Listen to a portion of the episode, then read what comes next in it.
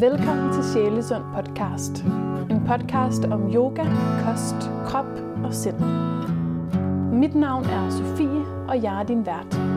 Hvis du vil vide mere om mig, kan du besøge min hjemmeside sjælesund.dk. Tak fordi du lytter med. Er vi klar? Alt er godt. Alt er godt. Jamen altså, Christine, jeg har jo simpelthen haft fornøjelsen af, og øh, ja, for det første stod jeg op klokken 5 i morges for at køre op til øh, her, hvor vi er, Højby, sådan et sommerhusområde øh, i, øh, tæt på Sjællands Odde, hvor du jo har retreat i den her forlængede weekend. Og så droppede jeg lige ind i din morgenklasse, to mm. timers yin med dig, yin power med dig. Og så en helt vildt lækker morgenmad, og nu sidder vi her i, øh, i solskin. Det er jo ret fantastisk. Det er ret en fantastisk. ret fantastisk Ja. måde at starte sin dag ja, på. Ja. Jeg har jo sådan, jeg har jo ikke prøvet din undervisning før Nej. i dag, så jeg var virkelig spændt på det, og har tænkt meget på det her ord yin power. Når man søger på det, så kommer du frem, eller hvis man søger på dig, så er det det ord, der ligesom dukker op. Og jeg, jeg forstår nu, hvorfor det her med at sætte yin sammen med power, fordi altså, det er jo sådan, det er jo langsomt, og det er belidt, Mm. men samtidig helt vildt intenst. Øhm, ja. Og jeg tænker, at det, det er bare et gæt. Det er jo ikke meningen, det skal være rart, vel? Jo, helst. Vi skal også kunne mærke noget. Det er ikke bare ren bliss at gå til. Det er ikke Gå til nødvendigvis blæs. Livet er ikke blæs. Men det, der gør, at det føles intenst, det, der gør, at det for nogen føles som ordet smerte, at det kan gøre ondt, at det støjer, værker, niver, spænder, er, at kroppen simpelthen har traumer, skader, skavanker, affaldsstoffer, stramhed, anspændthed, og alt det bliver du konfronteret med, når du er i stillingerne. Når man går ind til en kropsbehandling, så øh, gør det som regel også ondt, når der er øh, ubalancer. Hvis man vælger en blid oliemassage, ja, men det er ikke det, der forandrer kroppens struktur, og det er det, vi kommer for her. Det må meget gerne føles rart. Der er der ikke noget bedre, end når man har nået et stadie, hvor du faktisk kan vedligeholde en sund og stærk krop. Men det er de færreste af os, der kan det, fordi der er så mange stimuli, som gør, at vores krop hele tiden er i, i, i fright and flight mode, så vi hele tiden er stresset og, og op på dupperne. Og så mærker vi, når vi kommer ned i stillingerne. Øh, det skal ikke gøre ondt. Det er bestemt ikke meningen. Men det gør det ofte, fordi livet også er øh, op- og nedtur. Og du sagde på et tidspunkt under klassen, øh, at det, det er okay, hvis det føles som om, du er 20 år ældre, end du er lige nu. Det føles det ofte, når man kravler ud af stillinger, og man tænker bare, ja, men jeg kan jo ikke komme ud af det her. Og jeg kan huske det. Og jeg kan huske, at jeg kiggede på min lærermester for 10 år siden og tænkte, okay, han kravler også ud af den og den stilling. Og så gik der tre år, så var der nogle af stillinger, han ikke kravlede ud af længere, men fløj ud af. Og så tænkte wow. Og jeg er der selv i dag. Der er nogle stillinger, nogle dage, som jeg stadigvæk må værke, lige, sådan lirke mig ud af. Men jeg ved godt, hvad det handler om. Men det meste kravler jeg ud af, og har det rigtig rart bagefter. Mm. Men jeg har også lavet det her længe mm. og meget. Vi kan i hvert fald godt blive enige om, tror jeg, at intenst, intensitet, Mm. det er virkelig nøgleordet i din undervisning. Ja. Og du har selv sagt det lige inden vi startede, sagde du det til mig. Jeg har også hørt rigtig mange af dine elever sige, altså hvis jeg har snakket med nogen, der er gået hos dig, sige, at ja, hos Christine Marie Ros, der må det altså godt gøre ondt. Øhm, så det her med smerte, øh, der, er jo, der er jo nok mange yogalærere, der vil være uenige med dig i, at det godt må gøre ondt. Men kan du sige lidt omkring, både sådan, hvorfor det godt må det, og hvilken smerte det er? Altså, hvad er det for en slags smerte, vi Ja. godt må mærke? Smerte er ikke farligt. Øh, smerte er ikke noget, der gør skade. Smerte er ofte billeder, oplevelser. Da jeg havde ondt i ryggen øh, øh, efter min øh, jernrystelse og piskesmældsskade, efter de her faldulykker, jeg har haft, som nu hvor vi taler om smerte, og noget af det smertekurser, jeg har taget, jo lige skal sige, at, at min piskesmæld er ikke evidensbaseret piskesmæld, øh, fordi man kun får piskesmæld jævnfør evidens på harmonikasammenstød. Mine er sket ved at jeg falde ned ad rulletrappe og faldet på min cykel. Men så det egentlig er det forstuet nakke, og det er de samme øh, eftervirkninger og traumer, som kan følge med i, i kroppen og nervesystemet efter sådan nogle fald. Bare lige for at have den med. Og de her skader har jo gjort, at jeg på et tidspunkt faktisk har ligget med virkelig dårlig ryg, og jeg faktisk nærmest ikke kunne tørre mig selv i røven, uden at stå og hyle og have meget ondt af mig selv. Øhm, og have flere uger, hvor det er en smerte og en redselsfuld oplevelse at prøve at få sokker på, prøve at komme ud af sengen. Alt foregår med smerte. Øhm, havde jeg kun det, jeg kunne i dag, så havde jeg ikke haft smerte så lang tid. Men på det tidspunkt, så bliver jeg jo bange for at begynde at røre mig. Og jeg bliver bange for at møde den smerte, så jeg begynder at bevæge mig mere stift. Jeg begynder at bevæge mig mindre.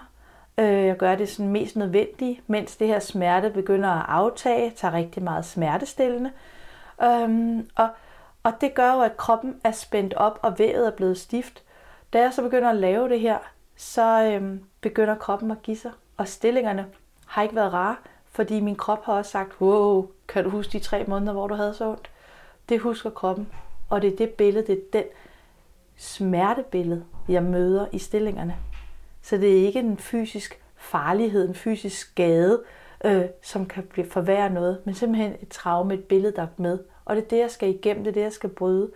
De fleste yin yoga øh, forbillede, det er og bliver Sarah Powers, som har været i det her i overvis og har været med i, i 15 år inden for yin yogaen og skrevet en af de eneste bøger, jeg vil anbefale inden for yin yoga, øh, hvor hun faktisk også siger, det kan godt gøre ondt. Men nu ved vi jo, at når vi vælger at indgå i en kropsterapi, så ved vi godt, det kan gøre ondt. Og med den viden møder vi selvfølgelig os selv og smerten med nysgerrighed og omsorg. Det siger Sarah Paus, og det står i hendes bog. Og det tror jeg, der er rigtig mange yin yoga og yoga der overser og glemmer lidt. Det jeg oplever, hvor at jeg måske kan virke hård, det er, at øh, vi har en hverdag. Vi kaster en unge op på hoften. Det er sådan en på en 3-4 år. Sådan en er tung op på hoften. Klarer også lige en IKEA-pose over skulderen. Dårlig håndtag. Den lirker lidt ned i skulderen. Vi ømmer os, skynder os ned ad trapperne. Man laver en masse bevægelser. Og er ikke rigtig til stede. Og så kommer du hen på den der gummimotte, ruller den ud. Og så er du til stede. Og så er der ikke noget, der må gøre ondt. Undskyld min sprog, men what the fuck? Selvfølgelig bliver vi da lige pludselig meget mere opmærksomme på vores selv, vores ankel, vores hofte, vores sorg, vores vrede over vores mor, der er snæret af os øh, en gang for længe siden, eller et besværligt sygehusvæsen, hvor mor er indlagt, eller vores teenage-døtre, eller hvad det kan være, der trigger. Det mærker vi, når vi sidder på yogamotten. Vi oplever det ikke, for vi har forglemt det, fordi vi har så travlt, når vi er nede og handle og render rundt mellem biler og varer og indkøb, og når vi tager på retreat. Jeg siger altid mine deltagere, hvad er det lige, jeg har præsteret? Nu sidder I her på en gummimåtte og ømmer jer, men I har faktisk klaret at hive jeres sommertøj ned fra loftet, få det smidt ind i en kuffert, slæb den her kuffert ned op på fjerde sal. Taxichaufføren, han bliver fandme siddende i sin bil. Han kommer ikke ud, så du skal også du din bagage ind på bagagerummet i bilen. Så bliver du kørt i lufthavnen, så skal du have bagagen ud igen. Så skal du hen til check-in, op på bagagebåndet. Vej, uh, er på 17 kilo, no wonder den er lidt tung. Så skal du op ad trapperne med din håndbagage, har du også med. Så skal du lige igennem security, jakke af, computeren op ad tasken. Det er faktisk rimelig besværligt at rejse. Er vi enige om det? Det lyder som om, du har gjort det her mange gange. så kommer vi ind i tax så kører du lidt for meget solprodukter. Nu var din håndbagage endnu mere. Så kommer du ned i, uh, til boarding, ind i flyet, og så skal du bagagen op på den der hylde op over dit sæde. Og den vejer jo lige pludselig ikke bare 7 kilo, men 11 kilo, for du har købt for meget security eller i tax-free. Alt det klarer du. Og så sidder du og lider på en yogamåtte. Ah, men prøv lige at kigge på nogle proportioner her i. Det er okay at mærke sig selv på yogamåtten. Vi negligerer rigtig meget, når vi er i fart, og pludselig har vi bevidsthed. Og det er, når kroppen bliver stille.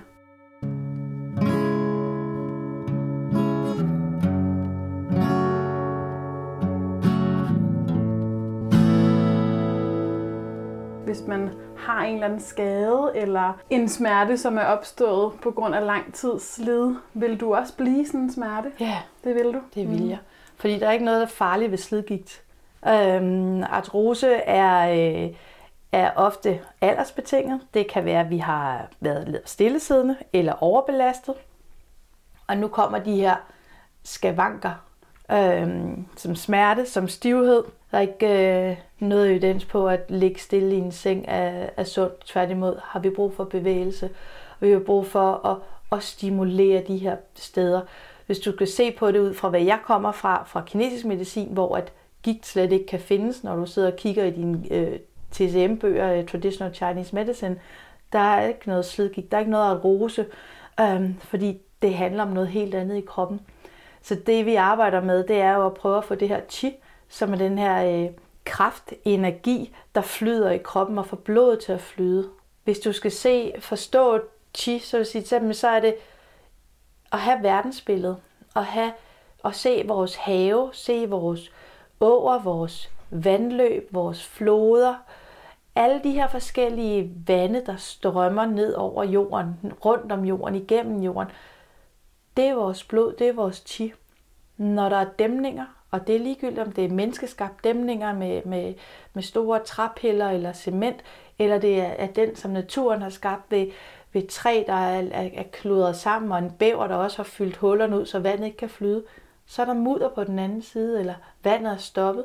Øh, et godt eksempel er Skjern Å, til, til, til dem, der har, har forstand på, på lidt af Danmark. Men Skjern Å, den blev rettet ind til højre for at imødekomme landbrug, og, øh, og man troede på det tidspunkt miljøet. Og så uddøde øh, laksebestanden. Øh, naturen begyndte at, at, at, at, at forsvinde omkring Skjernå. Øh, de vilde planter øh, blev, blev mindre og mindre. Og så gik man tilbage og sagde, at vi bliver nødt til at rette op. Og så fik man ligesom lavet Skjernå ind til den mere oprindelige form og sat laks tilbage. Og, og nu er det blevet et helt øh, nærmest nationalparkområde i, at, at der er meget mere natur. Det er det, der sker i kroppen.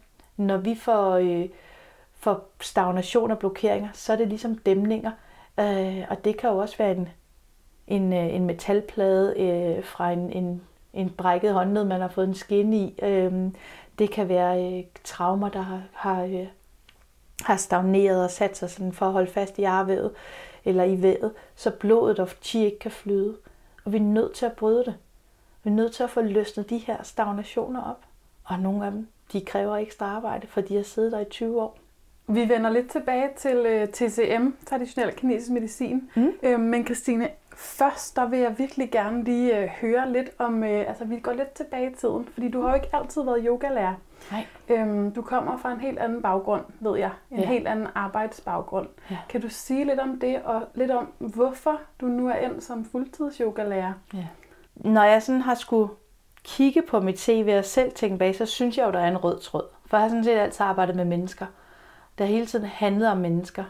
Og der er det jo ligegyldigt, om det var, da jeg stod og solgte damestrømper i Ilum, og blev headhunted af skoafdelingen for at komme over i sko, og så steg til 1000 kroner mere om måneden, og kunne få lov at sælge Bruno Malje sko og Ferragamo sko, øh, til at, øh, at få denne her voksne elevjob i Forsvarsministeriet. Det var den stilling, jeg mindst ville have og jeg skulle have sendt nogle ansøgninger afsted, så fik jeg denne her, og det viste sig at være en helt fantastisk oplevelse at være i, i forsvaret, være i forsvarsministeriet og arbejde med kombination af officerer og øh, akademikere og, øh, og, øh, og, og, og, og kontorfolk. Øh, især øh, synes jeg om dynamikken, dynamikken fra de her folk, som især, altså officererne er jo i en stilling i to år, og så er de videre. Det vil sige, du har hele tiden nye kolleger omkring dig. Du har hele tiden nye måder at gribe opgaverne an på, selvom at der måske er en forretningsorden og, øhm, og nogle forretningsgange, så er det jo nogle nye syn, der kommer på tingene hver gang, og det, det har været rigtig spændende at være en del af. Jeg er meget, meget begejstret for, for mit, mit job der. Og så havde jeg en fantastisk personalchef, så jeg blev enig med mig selv, om jeg skulle være personalchef. Og så kunne jeg jo godt se med en HK øh, kontoruddannelse på det tidspunkt, og noget merkonom, at jeg blev nødt til at have noget på, øh, på lidt højere niveau for at blive kontorchef. Det var, eller personalchef, det var i hvert fald min oplevelse. Så jeg øh, gik målrettet og søgte ind på jurastudiet. Samtidig med, at jeg kom, blev optaget på jurastudiet, så øh, fik jeg også job som jobkonsulent for flexjobber. Så jeg sidder og lavede jobansøgninger og hjulpet flexjobber øh, med at få, få arbejde, og starter på KU mandag til torsdag 16.15 til 20. Og øh, så søgte jeg over for at komme lidt tættere på HR. Så fik jeg job i FL Schmidt som HR-konsulent. Og så kørte jeg øh, fuld tid øh, FL Schmidt HR og øh, kørte ind på KU. Og det gjorde jeg en fire år i træk. Så altså arbejde, fuld, fuldtidsarbejde og så kurser om aftenen? Ja. På lige øh, niveau vilkår som dem, der gik på de almindelige daghold. Ja. Og der sad jo lægesekretærer og assurandører og politifolk, sygeplejersker, socialrådgiver, mange med en lidt lavere uddannelse eller en kortere uddannelse, som bare drømte om at ville noget mere med, med det, de havde, for at få øh, lidt mere indsigt. Så jeg sad jo med voksne mennesker på jurastudiet på det mm. tidspunkt. Og det var et eller andet sted helt forkert. Virkelig tunge, ikke bare fysisk tunge, men også indholdstunge røvsygebøger i min verden. Og jeg havde det lidt ligesom Gummitarsen. Gummitarsen, han beskriver lidt, og han var ordblind, men han beskriver lidt den her bog med, at de her myrer, der kravler rundt. Og sådan havde det med jura. Så øhm, jeg lykkedes mig ikke at bestå ejendomsretten tredje gang, og så gik den ikke rigtig længere. Jeg gad ikke. Øhm, så jeg sprang fra på, øh, på fjerde år, fik ikke min bachelor, og for noget, det var ikke det, jeg skulle. Og så tog jeg ud og rejste, og så var jeg ude og lufte ørerne og lære lidt spansk i Mellemamerika. Jeg kommer hjem, bliver kajakguide i Hvide Sande, og fra kajakguide bliver projektleder i Hvide Sande, fra en projektlederuddannelse. Savner nogle brosten, savner noget København, savner nogle familier og venner og en café. Så kommer tilbage til København som projektleder i øh, uh, IT-branchen, og det tror jeg, jeg har sagt andre gange også.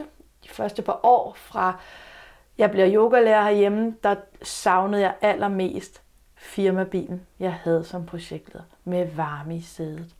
Og det ved alle yogalærer, der har ligget og tonset rundt for at dække 8-12 hold om ugen i 3-5 forskellige yogastudier. Jeg havde vanvittigt gode ben, 3 dage om ugen, 58 km. Hold nu op nogle lækre ben, jeg havde. Men nøj, var jeg savnet firmabilen i regnvejr. Så det var jernhesten gået ud fra? Det var det. Øh, men den røde tråd har været, det har været med mennesker hele tiden. Og det har hele tiden været, at jeg har hele tiden kæmpet for, at der skulle være gode arbejdsforhold for mig og mine kolleger. Øh, og det var lige meget personalgruppe, det var lige meget fagniveau og uddannelsesbaggrund.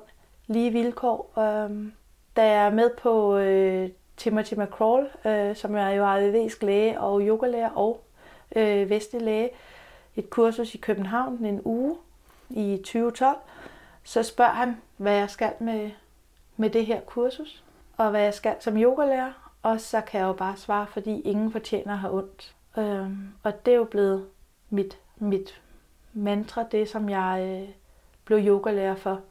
Fordi at jeg selv i 2010-2011 oplever at blive fuldstændig smertefri efter 15-17 år med kronisk smerte, hvor jeg tog hovedpinepiller, som var det kosttilskud. Jeg troede, det var normalt at have hovedpine. Jeg havde hovedpine hver dag. Jeg havde forstoppelse, jeg havde nakkeproblemer, jeg havde øh, søvnproblemer, jeg var, blev let stresset, jeg var ofte grødlerbil. Og på under 10 dage er alle fysiske smerter og symptomer væk efter så mange år. Kan vi zoome lidt ind på det? Fordi det var altså her, du mødte yogaen. Det var da du skulle ud af det her smerte øh, helvede. Ja. Eller altså, hvor kommer første yogaen gang, Første gang, jeg møder yoga, er, da jeg er 25 og jeg har tilmeldt mig et aftenhold på AOF for folk med dårlig ryg. Og der kommer Christine ind på 25 med ondt i ryggen og lægger sig mellem 10 andre deltagere, som alle sammen er på det tidspunkt øh, meget gamle i min verden. Og nu er jeg 46, så jeg ser nok lidt anderledes på alderen, men dengang føltes de meget gamle. Og jeg havde, kunne ikke, der er nogle af stillinger, jeg ikke kunne særlig godt, og jeg blev faktisk virkelig ked af det, og den næsten traumatiseret. Ej, så slemt var det ikke mere. Jeg gik ked af det hjem og tænkte, tænk, at jeg skal være her med mennesker på næsten 60, på ældre end min mor. Og her ligger jeg. At det er, min, at det, det, jeg skal. Og så åbnede øh, øh, Louise øh, fra Yoga Living. Ja, Louise Fjernbo. Ja, hun åbnede et yogastudie tilbage i 1900 og et eller andet. Nu lyder det virkelig gammelt. Undskyld, Louise. vi er så gamle. I 19 og hvad vil jeg... Mm, ja. Ja, måske var det 27, jeg ved det ikke, et eller andet. Og så ikke, lå det lige om hjørnet fra min bolig. Og så passede med at kunne nå øh, Hatha Yoga hos Louise på mm. vej til arbejdet. Og blev mere og mere grebet. Og Louise var den første øh, yogalærer, der sagde til mig, at jeg ikke skulle blive yogalærer, men jeg skulle med på hendes uddannelse. For jeg havde det i mig. Ja, måske en dag. Og så er jeg gået til yoga i noget, der hedder Yogacentralen, hvor jeg så har undervist selv jo efterfølgende. Gik øh, og Jenka var meget glad for ved Mette Vulbius. Jeg var sådan en, der fulgte Mette Vulbius rundt tre forskellige steder øh, og få i Gajyngaen. Birgitte Gorm var en yogalærer, jeg oplevede i Yogacentralen også, som var hende, der fik mig til at få en praksis. Øh, hun lærte mig at lave solhilsner. Øh, hun lærte mig at lave nogle små bevægelser indimellem. Hende fulgte jeg også. Og så fandt jeg igen hos øh, en kvinde, der hed Palma. Det var øh, to minutter i hver stilling, øh, med sådan lidt ajenkerfod og ikke noget med at tabe hovedet. Hvad mener du, når du siger ajenkerfod? Bare til dem, der ikke helt lige... Ikke lige, jamen så er det, øh, at foden er sådan meget flekset, og, og tæerne strider op, mm. og den, den lidt anspændt. Så aktiv. Man aktiv, aktiv ikke? anspændt ja. fod. Udefra ser den anspændt ud. Så yin, aktiv yin fod. med ajenka-fod, var det det, du sagde? Ja, sådan lidt. ja. Men det gjorde faktisk, at øh, der var en dag, jeg ikke havde en hovedpine.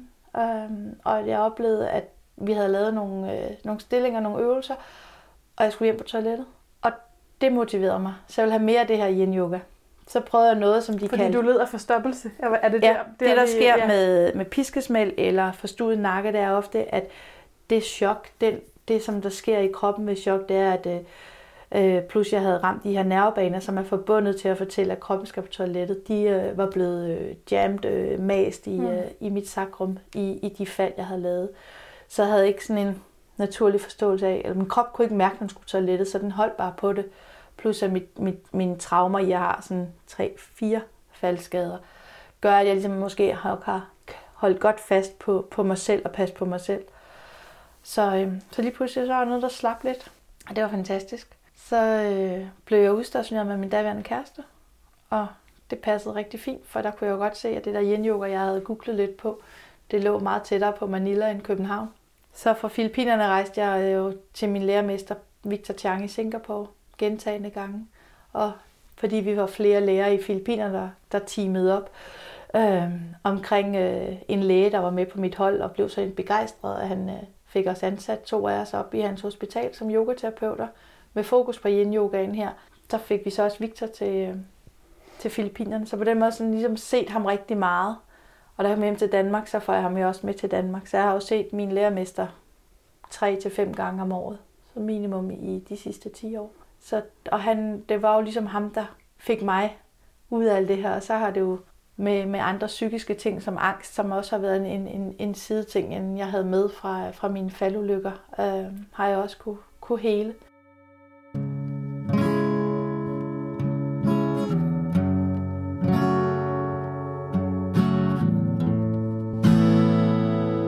de faste lyttere af podcasten ved i hvert fald, at dem, jeg har sådan snakket med indtil nu, der har i hvert fald været sådan lidt en, en stemning omkring, at yin med passiv stræk ikke er så hensigtsmæssigt. Mm. Kan du sige lidt om sådan din måde at tilgå yin på? Fordi din, din yin-yoga er jo ikke yin med Iyengar-fod, som jeg ligesom oplevede Nej. det derinde. Men der er alligevel heller ikke passiv stræk. Nej. Så hvor er det, din undervisning lander her? Den lander i, at vi er nødt til at være til stede. Vi er nødt til at være, have en aktivitet for at bevare vores overvågenhed, hvis vi vil skabe forandring. Jeg laver ikke yin yoga for at se ud. Yin yoga handler for mig ikke om at skulle vise en eller anden fancy stilling eller kunne stå på en særlig måde. Det handler om mit helbred. Så ja, for at kunne stimulere, for at kunne øh, aktivere medianbaner, de her øh, medianbaner, man kender fra akupunktur, zoneterapi, så er du nødt til at være aktiv i stillingerne for at kunne stimulere dem. Nogle af dem ligger virkelig dybt, helt inde ved benet, inde ved knoglen. Du er nødt til ikke bare at være længere i stillinger, men også at aktivere kroppen for at kunne dig ind. Vi arbejder ikke med lange, dybe stræk. Vi arbejder ikke med noget passivitet.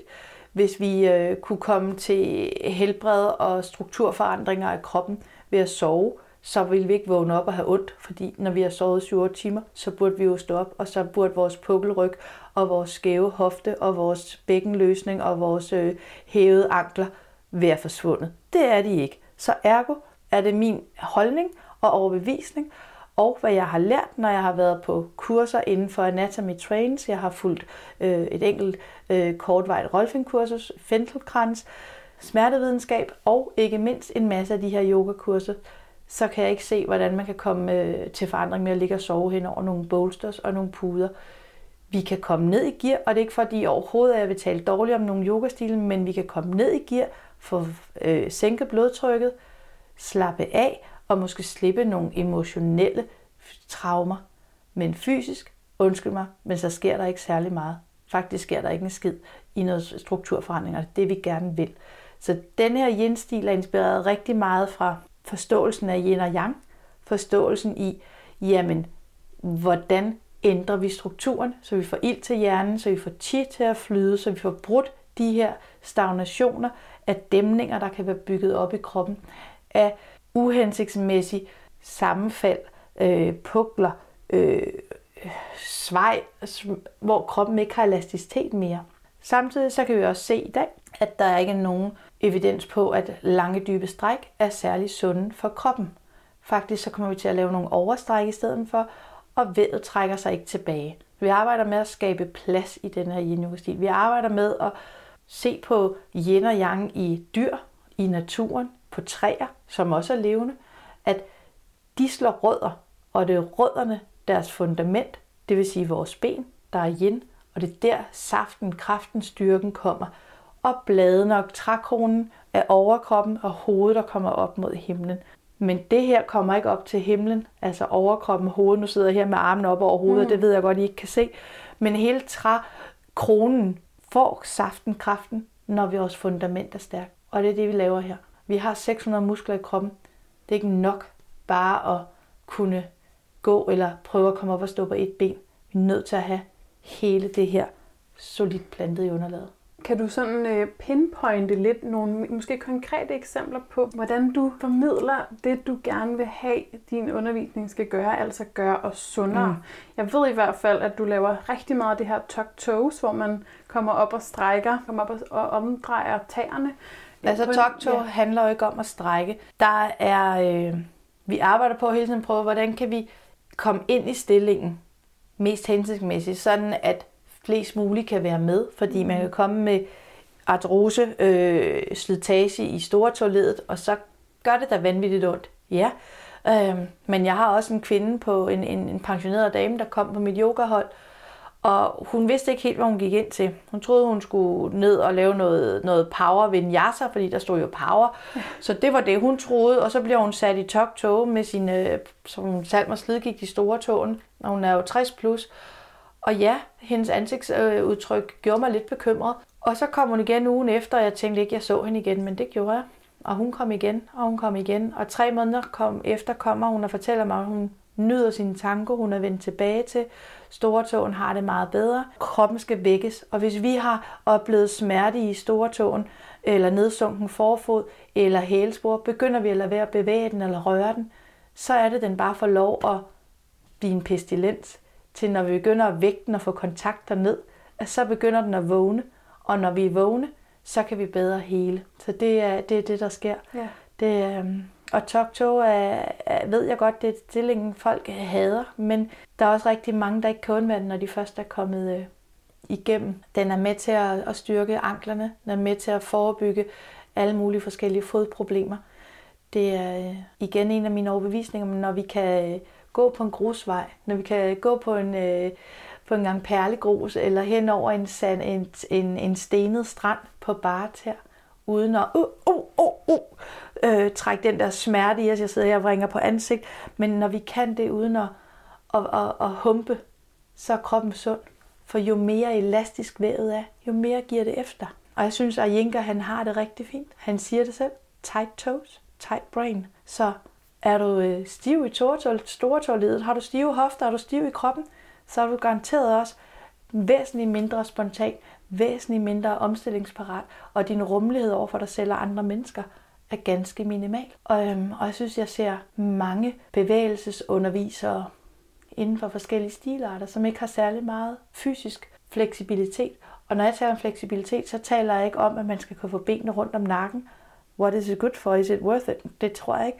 Men at du i mindste kan gå på en grusvej uden at have øm, at du kan gå uden at humpe, at du kan øh, rejse dig op og ned af en stol uden at, at, at lide og værke, du kommer ned op og ned på din yogamåtte uden at skulle bruge øh, noget at holde i. Det, det synes jeg er det mindste, vi skal kunne som yogalærer, for at vise, at, at vores krop er sund. Og det handler om elasticitet. En sixpack skal også være blød. Skønt lige at slutte med den sætning. Den har jeg lyst til at hænge. En sixpack skal også være blød.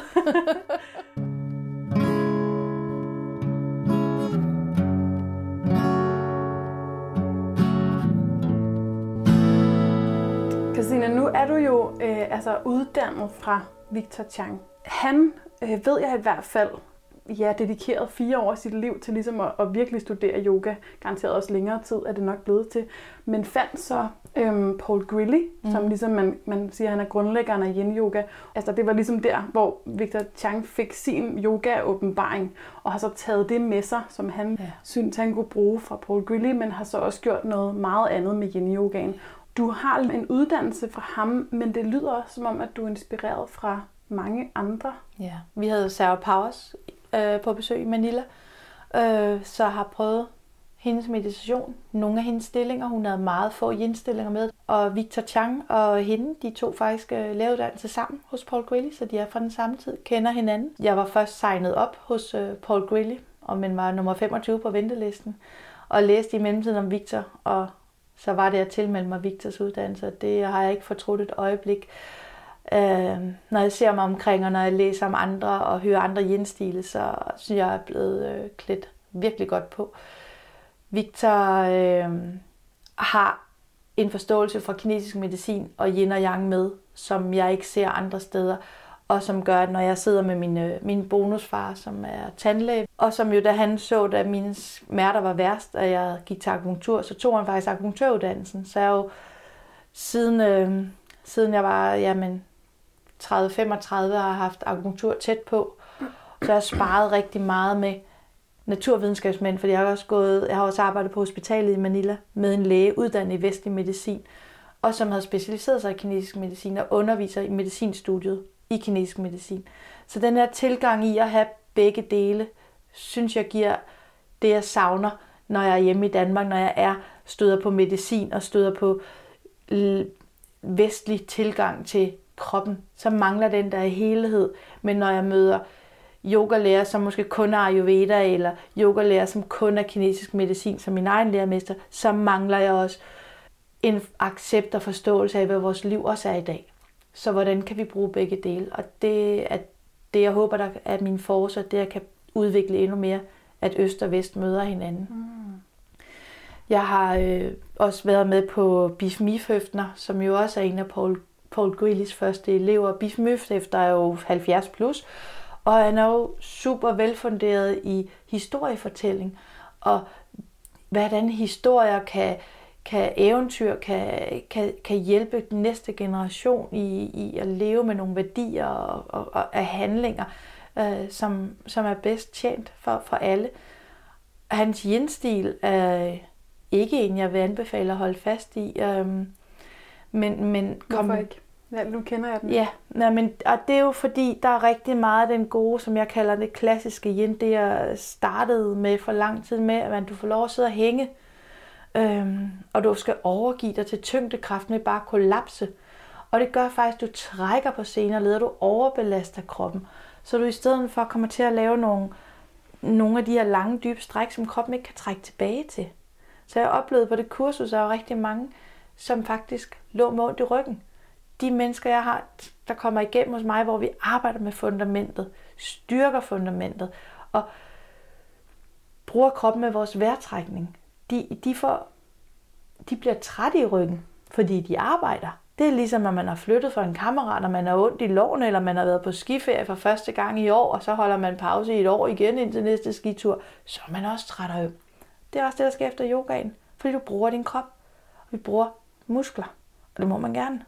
Mm. Fordi vi kan ikke skille yin og yang ad så firkantet som rigtig meget yin er i dag. Nødt til at have yang ind. Der er altid yang i yin og yin i yang. Det er ikke nok med bare at sige, at jeg har min vejrtrækning. Nej, der er meget mere, der giver et fundament.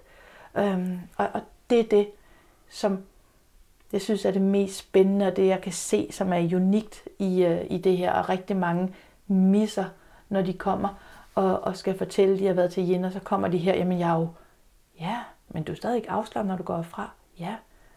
Og de fortæller om, hvordan deres knæ bliver hele. De fortæller, hvordan det der slidgik, de har fået at vide, de havde, er forsvundet. De kan meget mere.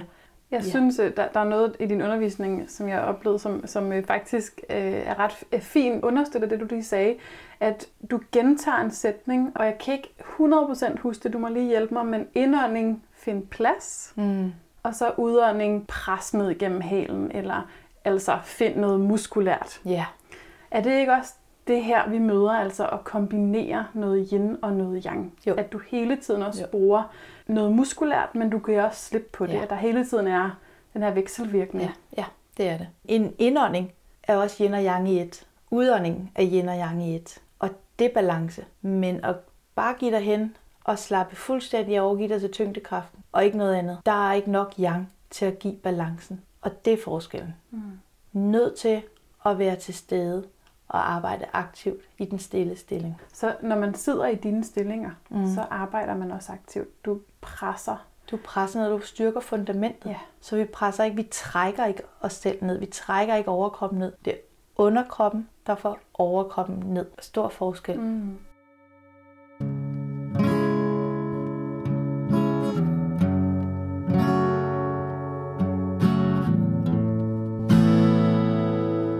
Traditionel kinesisk medicin, det er jo også noget, du bruger rigtig meget. Og jeg synes, det er enormt interessant, at du, du er inspireret af, hvordan kan vi bruge det i kombination med altså det her vest møder mm. øst. Mm. Mm. Øhm, kan du sige lidt om, hvordan du bruger traditionel kinesisk medicin i din undervisning, og, og hvorfor du synes, det er så relevant at bruge det? Mm. Organerne.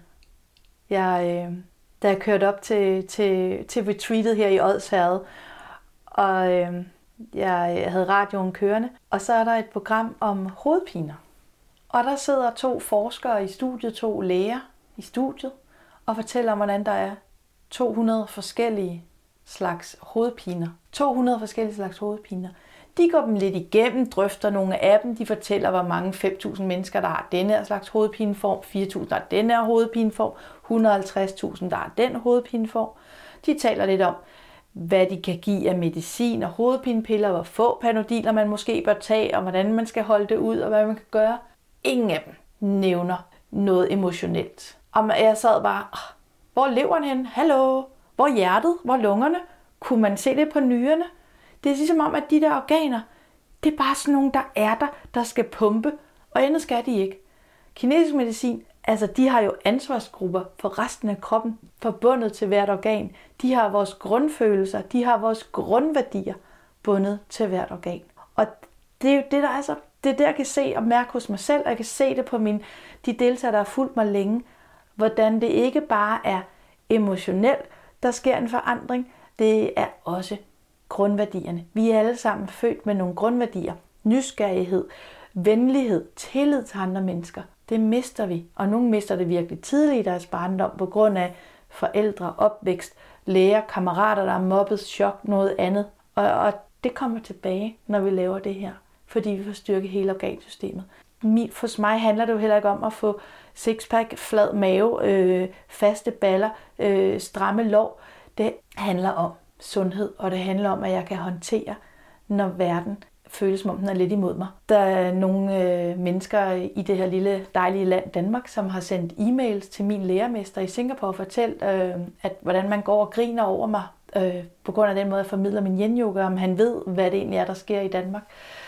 Øh, når der er nogen, der øh, ja, skriver nogle, nogle sjove ting, eller jeg hører lidt rygter om, hvad der er blevet sagt om mig, så tænker jeg, så er jeg rigtig glad for at have min yogapraksis, og at mit organsystem er så blødt og fleksibelt, så jeg kan rumme at der er folk, der er øh, lidt ondsindede derude. Øhm, Hvis jeg må spørge, hvad, ja. hvad er det, der, øh, der, der florerer? Der florerer? Altså, hvad er det, der bliver sagt om Så bliver der sagt, at, øh, at jeg fylder for meget. At øh, en yin yoga ikke kan, kan fylde sådan her, fordi så har jeg ikke forstået yin. Nej, men jeg bor jo heller ikke i en ashram eller i en øh, grotte i Tibet. Jeg bor i København, i en hovedstad med jeg ved ikke, hvor mange yogalærer vi er. 12.000 øh, er vi måske øh, yogalærer Jeg har ikke i hele. det. det er heller ikke, det kunne være interessant. Så jeg bor i et land, hvor at jeg skal betale skat, jeg skal betale husleje. Så verden øh, hænger ikke sammen ved, at jeg kan sidde inde i en grotte i Tibet og vente på, eller i en baggård på Vesterbro og vente på, at folk kommer til mig. Jeg er nødt til at være ude. Plus, jeg har så meget på hjertet. Jeg prøver at få folk med til det her yin-yoga, som måske har en kontorjob øh, af tossede løbere øh, med stive løberben, der har problemer med deres løberknæ. Jeg vil have alle de her mennesker, som synes, at yoga det er blevet noget hokus pokus, eller yoga er et eller andet for hippier, eller yoga pludselig kun er for, for veganere. Jeg vil have alle de mennesker, som nyder et godt glas rødvin øh, lørdag aften, og som håndterer en ulvetime og, øh, og, og sygdom hos, øh, hos den nærmeste familie. De mennesker skal have 20 minutter om dagen eller hver anden dag. Det er det, yoga handler om for mig. Yoga handler om, at, øh, at vi kan rumme, når nogen øh, slader bag os, eller at øh, vores far dør. Vi skal håndtere øh, sorgen uden at gå ned, og det giver yogaen mig. Um, jeg sammenligner nogle gange lidt det med Maud. Maud har... Øh, Fra Matador. Ja, Maud gik i seng, når hun øh, var presset, ked, sur, skuffet. Det er ikke særlig hensigtsmæssigt. vi får ikke særlig meget ud af at gå i seng og lægge os, andet end vi straffer de andre og med vores martyrrolle. Plus at vi, øh, vi drænes selv af at ligge stille øh, og have ondt af os selv. Så øh, yogaen, den, øh, stillingerne, styrken for stillingerne, mit organsystem giver mig der overskud til at, at, at, at være med, med grundfølelsen. Og så kan jeg vende tilbage og sende et smil til, til min far, øh, der hvor han nu end er. Øh, tilgive øh, de andre mennesker få betalt min skat, fordi den går til et formål i Danmark, som måske gør, at øh, min mors kræftbehandling, den, øh, den gik lige efter bogen. Det er det, jeg laver mine stillinger til.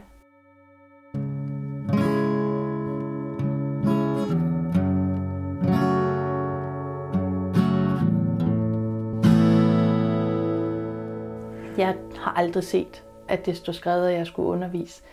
Jeg øh, underviste i, øh, i, da jeg var i, øh, i noget, der hedder Hjemmandskommandoen, som var en underliggende myndighed til, til forsvaret. Der underviste jeg jo i, øh, i reglerne for flexjob. Jeg underviste i øh, barselsårloven til officererne. Så jeg har undervist, men det var jo noget, noget andet, jeg underviste i. Så jeg havde formidlingen, og jeg har aldrig været bange for, at jeg og tale højt. Det havde jeg, da jeg var færdig med min første øh, yogalæreruddannelse, øh, som var Hatha-Vinyasa med, med Simon Kron, og øh, var det Marie Nordstrøms allerførste yogalæreruddannelse, hun afholdt. Jeg, jeg blev klædt på til nogle ting, men jeg lærte ikke at undervise, for jeg havde ikke mod til det. Øh, det var yin der gav mig modet til at formidle. Jeg startede med at undervise i øh, restorativ yoga, og jeg husker, jeg sad og læste alt op for en tekst, fordi jeg, jeg, ikke, jeg anede ikke, hvad jeg skulle sige. Det var i Filippinerne, jeg underviste der. En ejeren af studiet, hun lå på, øh, hen over nogle bolster øh, med sin telefon og tekstede. Sådan er man i Filippinerne. øhm, men inden for en måned fandt jeg hurtigt ud af, at det der restaurativ, det dur sgu ikke. Og så blev det til en yen-time og en yen-time mere, og så var jeg landet. Jeg snakkede lige med en af dine kursister Mm. mm. til morgenmaden her, og han øh, mere eller mindre er blevet sendt lidt afsted af sin kæreste. ja, det er en dejlig historie. Stakkels mand. men, øh, jamen, jeg tror, han nyder det. Han sagde til mig, at nu, du, du må ikke sige det her til Christine, men altså, altså, jeg synes faktisk, det er rart, at hun, øh, at hun presser sådan på. Hun insisterer Mm. på, at, at jeg skal blive. Mm.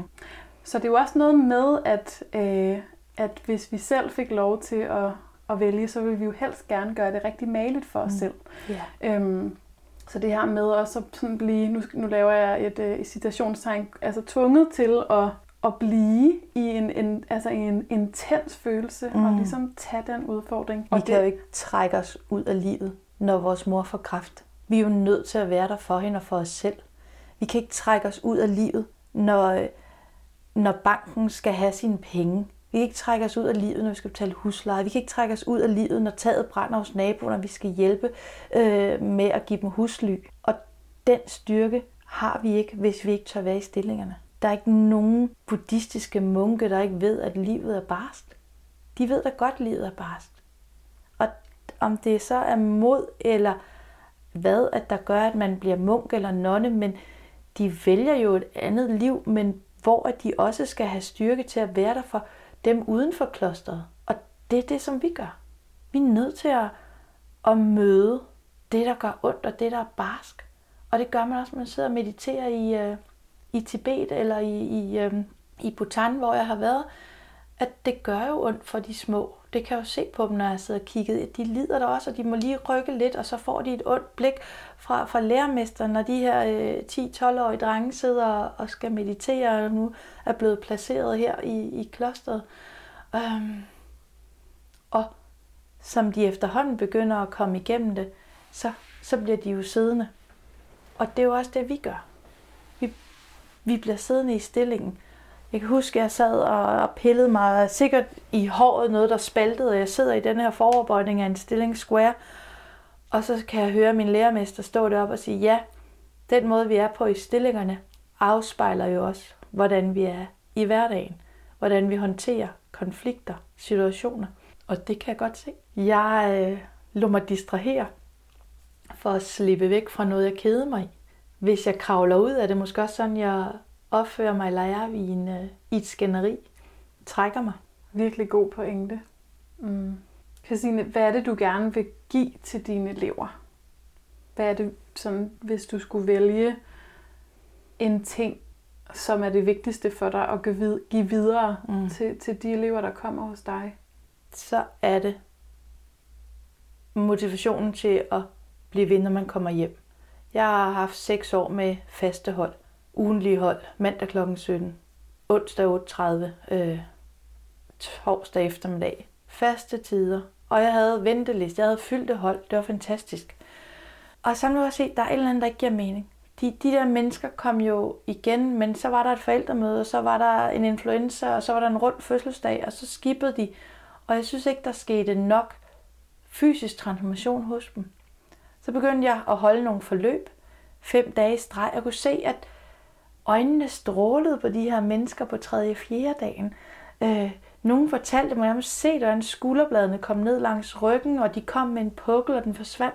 Så de her retreats og de her påske- og juleforløb, øh, som jeg er kendt for, fem dage i streg af to timer hver dag. Jamen, hold nu op. Nu giver det noget. Og de mennesker, af min oplevelse de sidste to år, hvordan mange flere går hjem og laver 20 minutter hver hver anden dag. Det her med at sige 3 til gange om året, tager man komprimeret påskeforløb, en weekend, et retreat i udlandet, og så går du hjem, og så laver du din talk toe og en dragon og et square, og det gør man i en måned hver hver anden dag. Der er meget mere benefits at hente, der er meget mere vedligehold. Yin yoga er et kosttilskud.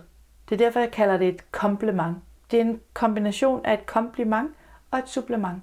Det, det er sådan en daglig vitaminpille. Nu svarede du også på det her med, øh, at du netop har det her lidt slogan med yin yoga et kompliment til dit liv. Det vil jeg nemlig også have spurgt dig ind til.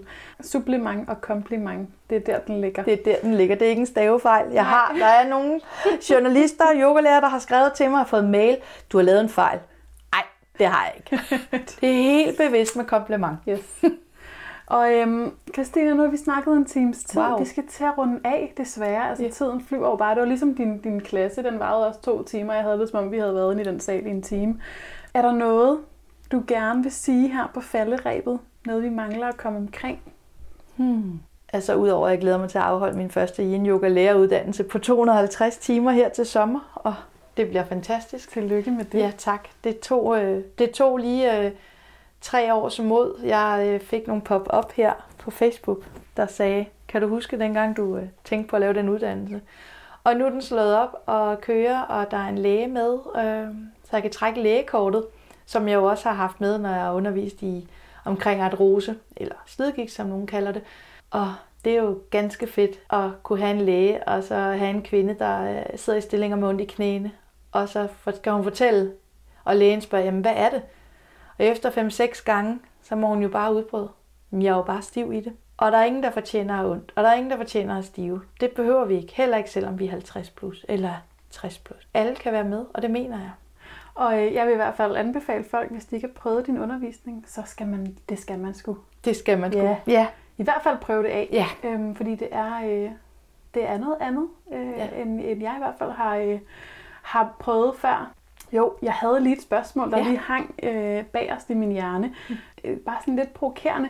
Altså, hvad er egentlig forskellen på at gå ned i fitnesscenteret og være med på en eller anden helt vildt hård øh, øh, pumper-time, hvor man løfter rigtig meget jern, og det er jo også rigtig intenst. Mm. Og så at sidde måske i tok toes eller en anden intens Mm. af dine hjenstillinger. Ja.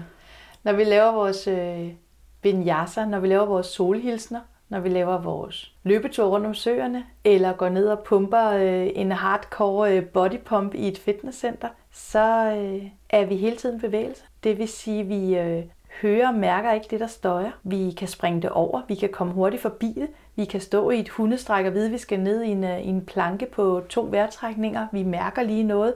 Uh, væk med det, og ned i planken. Uh, lige der, op igen. Øh, stå og løfte nogle vægte, løbe en tur rundt om søerne. Du kan løbe fra det.